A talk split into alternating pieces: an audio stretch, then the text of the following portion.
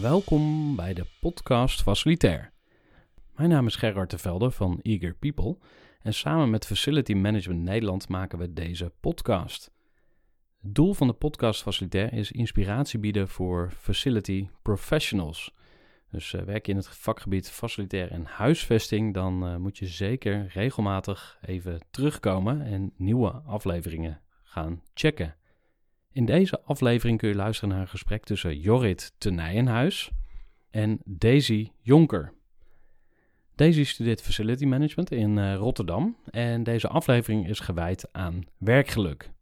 Nou, wat houdt het in? Je hoort er ontzettend veel over, maar wat is het eigenlijk? Wat zijn de thema's die eronder uh, hangen? Onder andere verbondenheid, autonomie, voldoening en zingeving. Jorrit en Daisy gaan dieper op deze thema's in. En als je dus wat verdieping zoekt op het gebied van werkgeluk, dan is dit een uh, leuke aflevering om te luisteren. Ik wens je heel veel plezier.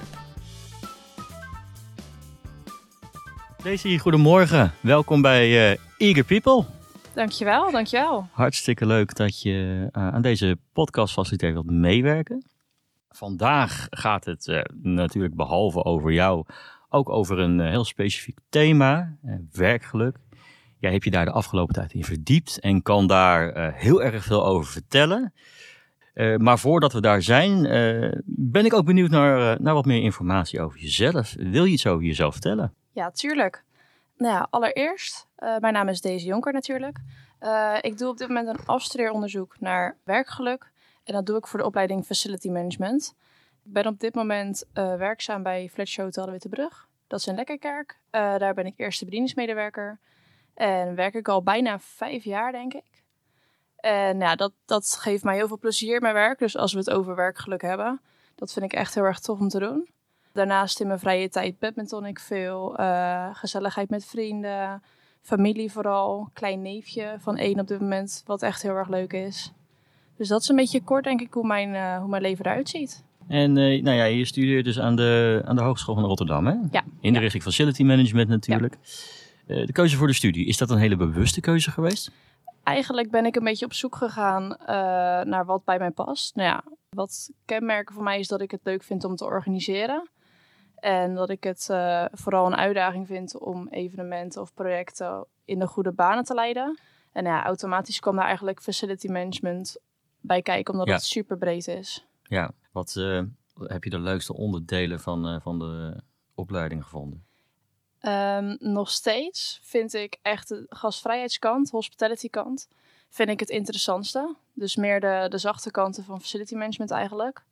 De harde kanten zoals beveiliging en schoonmaak heb ik net wat minder mee, omdat dat ja, eigenlijk wat minder kan veranderen, zeg maar. Schoonmaak blijft altijd wel hetzelfde. En op het moment dat iets schoon is of als schoon wordt ervaren, dan is het schoon. En bij gasvrijheid kan je zoveel dingen veranderen. Ook uh, de persoonlijkheid die er staat of juist de omgeving. Om het dan echt daadwerkelijk gasvrij te ervaren. Dus de beleving speelt daarbij een rol. En dat vind ik het leuke aan, uh, aan die kant eigenlijk. Uh, je hebt het over beleving, dan gaat het over hospitality. Een heel veel gehoorde kreet binnen FM. Nou is hospitality niet per se heel nieuw. Daar zijn we al een aantal jaren mee bezig. Waar vind jij dat er op hospitality vlak nog uh, gewonnen kan worden aan, aan vernieuwing?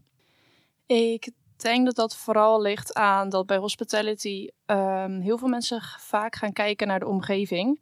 Hoe dat bijdraagt. Terwijl ik persoonlijk meer denk dat het aan de persoon ligt die er staat.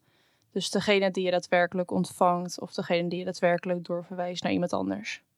Ik denk dat dat voor mij, uh, dat ze daar nog echt wel een beetje ja, de vernieuwing kun in kunnen zoeken. Dus de mensen die uh, het aan de voorkant uitvoeren, ja. bijvoorbeeld ontvangst, heel concreet. Ja, bijvoorbeeld, ja. Waar zit dat volgens jou in? Heeft dat te maken met opleiding, training of wellicht nog andere manieren? Ik denk dat het ook wel een stukje in jezelf ziet. Maar ja, dat valt natuurlijk ook gewoon te trainen. Dus zeker inderdaad, nou ja, de eerste indruk is meestal wel gewoon heel belangrijk. Dus op het moment dat je binnenstapt als iemand gelijk uh, ja, gezellig verwelkomt, ook al is die heel druk. Dat maakt voor mij wel dat ik ja, gewoon een goed gevoel krijg bij je bedrijf of ja. bij je werk. Of, ja. uh... Heb jij je voor de, uh, voorbeelden in de praktijk uh, gezien binnen bepaalde organisaties waarvan jij vindt, nou dat is hoe hospitality zou moeten zijn? Nou, toevallig eigenlijk net toen ik binnenkwam. Eh, de receptioniste was heel Je bedoelt erg hier op de, op de pionier? Ja, oh, leuk. op de pionier, ja. Toen ik binnenkwam, ze was in gesprek. Maar toch uh, ja, draaide ze eventjes ter hoofd om, om toch eventjes welkom te heten. En vervolgens me uh, ja, gewoon verder te helpen in waar ik moest zijn. Ja. ja. En dat is, ik denk dat het vaak het belangrijkste is op een plek waar uh, bijvoorbeeld meerdere facilitaire dienstverleners zitten. Om dan echt een receptioniste te hebben die je dan uh, verwijst naar de juiste. Het is toch ook heel vreemd hè, dat je dan op een, op een kantoor komt van een uh, grote vaste dienstverlener. En het eerste wat niet goed geregeld zou zijn, ja. het, het, ontvangst. Dat, zou, ja, dat is eigenlijk een hele rare situatie die dan ontstaat. Oké, okay. je benoemde al eerder inderdaad uh, werkgeluk. Kan jij iets vertellen over, over, over werkgeluk? Ja, dat, dat kan ik zeker. Heel breed onderwerp. Ja. Um, nou, misschien moet ik de vraag anders stellen. Wat is de reden geweest dat je je op dat thema bent gaan richten? In eerste instantie is het een soort van uh, toeval geweest. Okay. Uh, eigenlijk wilde ik me eerst bezighouden in het uh, bedrijf waar ik onderzoek doe naar de medewerkerstevredenheid. Maar juist omdat werkgeluk een beetje een nieuw thema aan het worden is en veel meer upcoming is, uh, leek het me gewoon heel interessant om juist dat thema uh, te pakken als soort van uitdaging voor mezelf. Met medewerkerstevredenheid is het toch vaak een standaard medewerkerstevredenheidsonderzoek wat je Mhm. gaat doen of meer in die richting. En met werkgeluk kan je eigenlijk veel meer kanten op. Ik kan me voorstellen dat het uh, voor veel mensen een hele ja, vage kreet is. Het, komt het is een enorm breed thema. Mensen buiten FM die zullen zoiets hebben van nou, geen idee. Uh, kan jij werkgeluk misschien wat meer definiëren? Ja, uh, dat doe ik dan eigenlijk aan de hand van hoe ik het zelf een beetje op dit moment zie. Ja? Vaak als ik ook in mijn omgeving vraag, ben je werkgelukkig? Dan zeggen ze werkgelukkig. Ja, klinkt heel vaag. Uh, meestal vraag ik ze dan van, wat maakt het voor jou op je werk dat je naar je werk gaat? Waarom blijf je op je werk en ga je niet naar een ander bedrijf of organisatie? En dan komen er punten zoals verbondenheid, uh, zingeving, autonomie en voldoening. Die komen er eigenlijk altijd in terug. Dat zijn ook de begrippen die ik gekoppeld zie met werkgeluk. Dus dat gaat niet alleen over uh, faciliteiten, hele concrete nou ja, onderdelen in een organisatie even nieuwsgierig, hè? Wat, wat is voor jou essentieel uh, als het gaat over werkgeluk binnen een organisatie? Wat, wat vind jij belangrijk? Um, ik denk dat werkgeluk uh, te maken heeft met vier thema's. Uh, dat is verbondenheid, autonomie, of eigenlijk jobcraften, en voldoening en zingeving. Voorbal, vooral bij verbondenheid gaat het puur om de sociale contacten op je werk. Dus omgang met je collega's. Uh, daarnaast ook waardering en erkenning, uh, de openheid of de transparantie van een organisatie en de bedrijfscultuur, dus de sfeer. En als je denkt aan verbondenheid, denk ik vooral aan uh, het, de gezelligheid met je collega's, de gelijkwaardigheid die je voelt met je collega's. Dus heb je allemaal dezelfde waarden, ondanks een andere functie eventueel. dus dat is echt puur als ik het heb over verbondenheid. Autonomie is echt uh, de beslissingsruimte eigenlijk die, uh, die je kan nemen in je functie. Dus uh, krijg je ook de kans om eventueel hoger op te kunnen komen. De zelfstandigheid om beslissingen te nemen. En ook de vrijheid van je mening of andere uitingen. daarin vind ik de Pool Manager app die de organisatie Verwiel en Wijngaard heeft ontwikkeld een hele, heel goed voorbeeld. Uh, je kan daarin als personeel zijnde of medewerkers zijnde, kan je daarin je eigen rooster uh, beschikbaarheid aangeven. En dat is voor de medewerker natuurlijk eigenlijk een soort van pluspunt voor de organisatie. Omdat ze daarmee uh, zelf kunnen roosteren, zelf een eigen beschikbaarheid in kunnen geven. En ook tot dusver zelf kunnen bepalen waar ze op locatie staan. dus dat geeft echt die beslissingsruimte voor de medewerkers. Um, daarnaast wil ik het dan nog uh, hebben over voldoening. Uh, dus dat is echt de zelfontplooiing van jezelf. Welke talenten en kwaliteiten uh, zet je in om jezelf te kunnen ontwikkelen? ontwikkelen. En de uitdaging, dus de doorgroeimogelijkheden binnen een organisatie. En daar heeft zeker natuurlijk het management ook een grote rol in. En de waardering en erkenning. Dus kan je trots zijn op het werk wat je doet. Mede door de collega's om je heen of het management. Uh, kun je jezelf zijn? Heb je het idee dat je het verschil kan maken in een organisatie? Uh, die punten spelen bij vo voldoening echt een grote rol. En denk ik als laatste zingeving. Dus dat is echt ehm, het doel van de organisatie. Sluit die aan bij jouw eh, eigen normen en waarden, eh, je eigen visie. Eh, daarbij ook je persoonlijke missie. Dus wat wil jij verder nog bereiken in, in het leven? Heb je ambities of drijfveren? En ik denk dat dat kort samengevat eh, voor mij is wat werkgeluk inhoudt tot nu toe. Wat kan volgens jou fa- facilitair management daarin betekenen? Ik denk vooral dat het eerste contactmoment erg belangrijk is. Dus zeker al tijdens een sollicitatie van hoe eh, profileer je jezelf als bedrijf. Ja, En zeker daarna als eh, facility management als soort van ondersteuner. Van hoe ga je iemand ook binnen een groep betrekken. En eh, hoe onderhoud je dat? dan heb je het meer over eh, de werkomgeving facilitair dienstverlener. Hè? Ja, En ja. niet, niet, dat is misschien even goed om te benoemen, want anders dan eh, ga ik misschien wel de verkeerde vragen stellen. Nee. Maar ik kan me juist ook voorstellen dat dat binnen hele andere organisaties natuurlijk net zo geldt.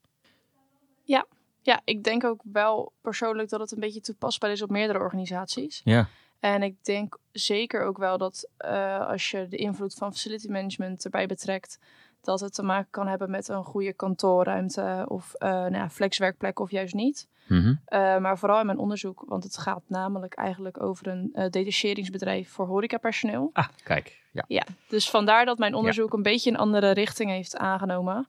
Omdat daar die werkomgeving eigenlijk bepalend is of in handen is van de opdrachtgevers op locatie. Mhm. Dus dat zijn dan grote evenementenorganisaties. eh, waarbij eigenlijk de organisatie eh Vuur en Wijngaard, waar ik mijn onderzoek uitvoer, minder invloed op heeft.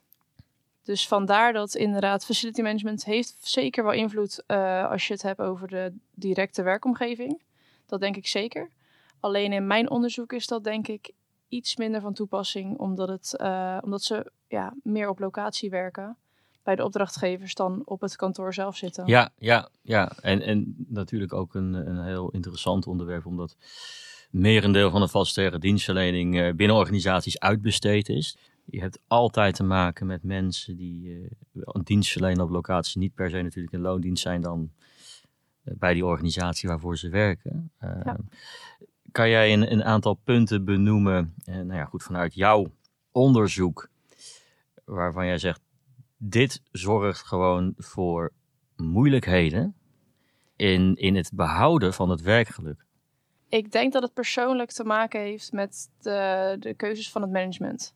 Dus op welke manier geef je leiding aan het team, wat eronder staat? Eh, hoe weet je ze te motiveren, aandacht te geven? Eh, waardering en erkenning is daar ook heel belangrijk in. Ik denk dat dat eh, heel erg zwaar meeweegt, omdat mensen gewoon, eh, ja, mensen willen er van nature willen ze erbij horen. Eh, ze willen in een team horen en het management moet daar zo'n sterke bijdraging hebben dat ze dat daadwerkelijk ook voelen. Ik denk dat collega's daar ook een bijdrage in hebben, maar uiteindelijk neemt iemand sneller iets aan, denk ik, van het management dan van een collega naast zich. Aandacht. Ja, aandacht. Ja. Het eerste, maar misschien ook zelfs het enige wat ik eruit uitpik. Ehm, dat betekent dat organisaties, eh, in dit geval dan eh detacheringsorganisaties, op afstand moeten managen en dat contact moeten behouden, frequent. Ja. En nou ja, aandacht is natuurlijk ook een heel breed begrip. Kan je daar iets meer over vertellen? Wat, wat vinden medewerkers belangrijk als het gaat over aandacht krijgen van een werkgever? Ik denk dat dat een beetje ook zit in de ontwikkeling die ze krijgen vanuit de organisatie. Eh, door middel van trainingen of juist eh, bijeenkomsten dat ze gezellig kunnen samen zijn. Eh, borrels is daar ook een hele goede voor. Ehm, ik denk dat dat het belangrijkste is. En natuurlijk op de, op de vloer zelf, dus op de locatie zelf, wanneer ze aan het werk zijn, dat ze goed worden begeleid. Dat ze niet in het diepe worden gegooid, maar dat ze echt de begeleiding krijgen die ze, die ze moeten krijgen. Ja. Het is voor een organisatie, een detacheringsorganisatie, dan best wel een, een, een, een hele uitdagende taak om, natuurlijk afhankelijk van de grootte van zo'n organisatie, alle medewerkers met hun specifieke eh, behoeften eh, te ondersteunen. Hoe zou een organisatie eh, dat het beste kunnen, kunnen, kunnen oppakken volgens jou? Ik denk, en dat komt eigenlijk terug op wat ik al eerder genoemd heb, dat het vooral ligt in dat eerste contactmoment met een organisatie. Dus hoe haal je iemand eh, binnen in je organisatie en hoe begeleid je hem vervolgens? En daarbij bedoel je mee het eerste contactmoment van de eh, geplaatste medewerker op locatie? Ja. Ja, oké. Want dat is volgens mij uiteindelijk eh, het, het, het, het doel, hè? Om, om mensen zo lang mogelijk aangehaakt te houden bij een organisatie. Ik vraag me alleen af, maar dat, daar ben ik dan ook heel benieuwd naar vanuit jou. Willen eh, medewerkers, mensen, bijvoorbeeld van jouw generatie, eh, zich al voor langere tijd aan een organisatie committeren? Want dat is natuurlijk ook vaak de discussie hè, die je hoort. De jonge mensen van tegenwoordig zitten ergens twee jaar, dan zijn ze uitgekeken, willen ze wat anders doen. Nou, dan vraag ik me af, is dat dan ook echt zo? Ik denk dat het zeker waar is. Maar op het moment dat je zorgt in een organisatie dat het gezellig is, dat er eh, ruimte is voor ontwikkeling en dat je telkens weer opnieuw eh, een soort van uitdaging creëert, dat medewerkers dan wel langer blijven hangen. Als ik het eh, eigenlijk reflecteer op mezelf. Ik ben dan ook vijf jaar werkzaam in een organisatie. En telkens heb ik weer nieuwe uitdagingen gekregen en daardoor bleef ik ook. En daar vroeg je om of kreeg je die proactief eh, Enerzijds- aangeboden? enerzijds vraag je erom en Ja. anderzijds op het moment dat mensen je leren kennen, dan weten ze hoe je ongeveer in elkaar zit. Ja, Dus op het moment dat ze dan merken eh, dat je minder uitdagingen in je werk hebt, ja, dan is het natuurlijk wel van belang dat het management dan inziet van misschien is het slim om een promotie te geven of te kijken naar verdere ontwikkelingen. Ja, dat is eigenlijk wat jij zelf al eerder aangaf, hè? Die, die aandacht. Ja, Als jij ja. te weinig aandacht krijgt, weet dus het management ook niet wat er bij jou speelt en wat Ja, je behoeftes zijn. klopt. Ja, En Nee. zeker vind ik ook dat het een beetje bij jezelf ligt. Dus dat je het zelf eh, Ja. moet aankaarten als medewerker zijnde. Maar eh, ja, organisaties moeten ook zeker kijken naar wat een medewerker nodig heeft om verder te kunnen ontwikkelen. Heb, je, heb jij voor jezelf een, een, een, een- soort van nou ja, eh, carrièreplan uitgestippeld inmiddels? Ik moet zeggen, ik vind het nog heel erg lastig. Ja. Eh, dat is een beetje mijn valkuil. Ik vind op dit moment echt alles leuk om te doen. Echte generalist, hè? Ja. ja, dus daarin vind ik het nog heel lastig om een keuze te maken. Maar ik denk ook wel zeker op dit moment dat ik graag eh, na mijn afstuderen verder zou gaan met werkgeluk. En dat hoeft niet per se eh, continu, maar al loopt een rode draad door het bedrijf waar ik werk, dat ze te maken hebben met werkgeluk, dan vind ik het al heel interessant. Ja, tot zover het gesprek tussen Jorrit Nijenhuis en Daisy Jonker. Ik hoop dat je er iets eh, heel moois uit gehaald hebt. Mocht je willen reageren op deze aflevering, dan kun je natuurlijk een eh, e-mail sturen of even bellen met Eager People of FMN, Facility Management Nederland.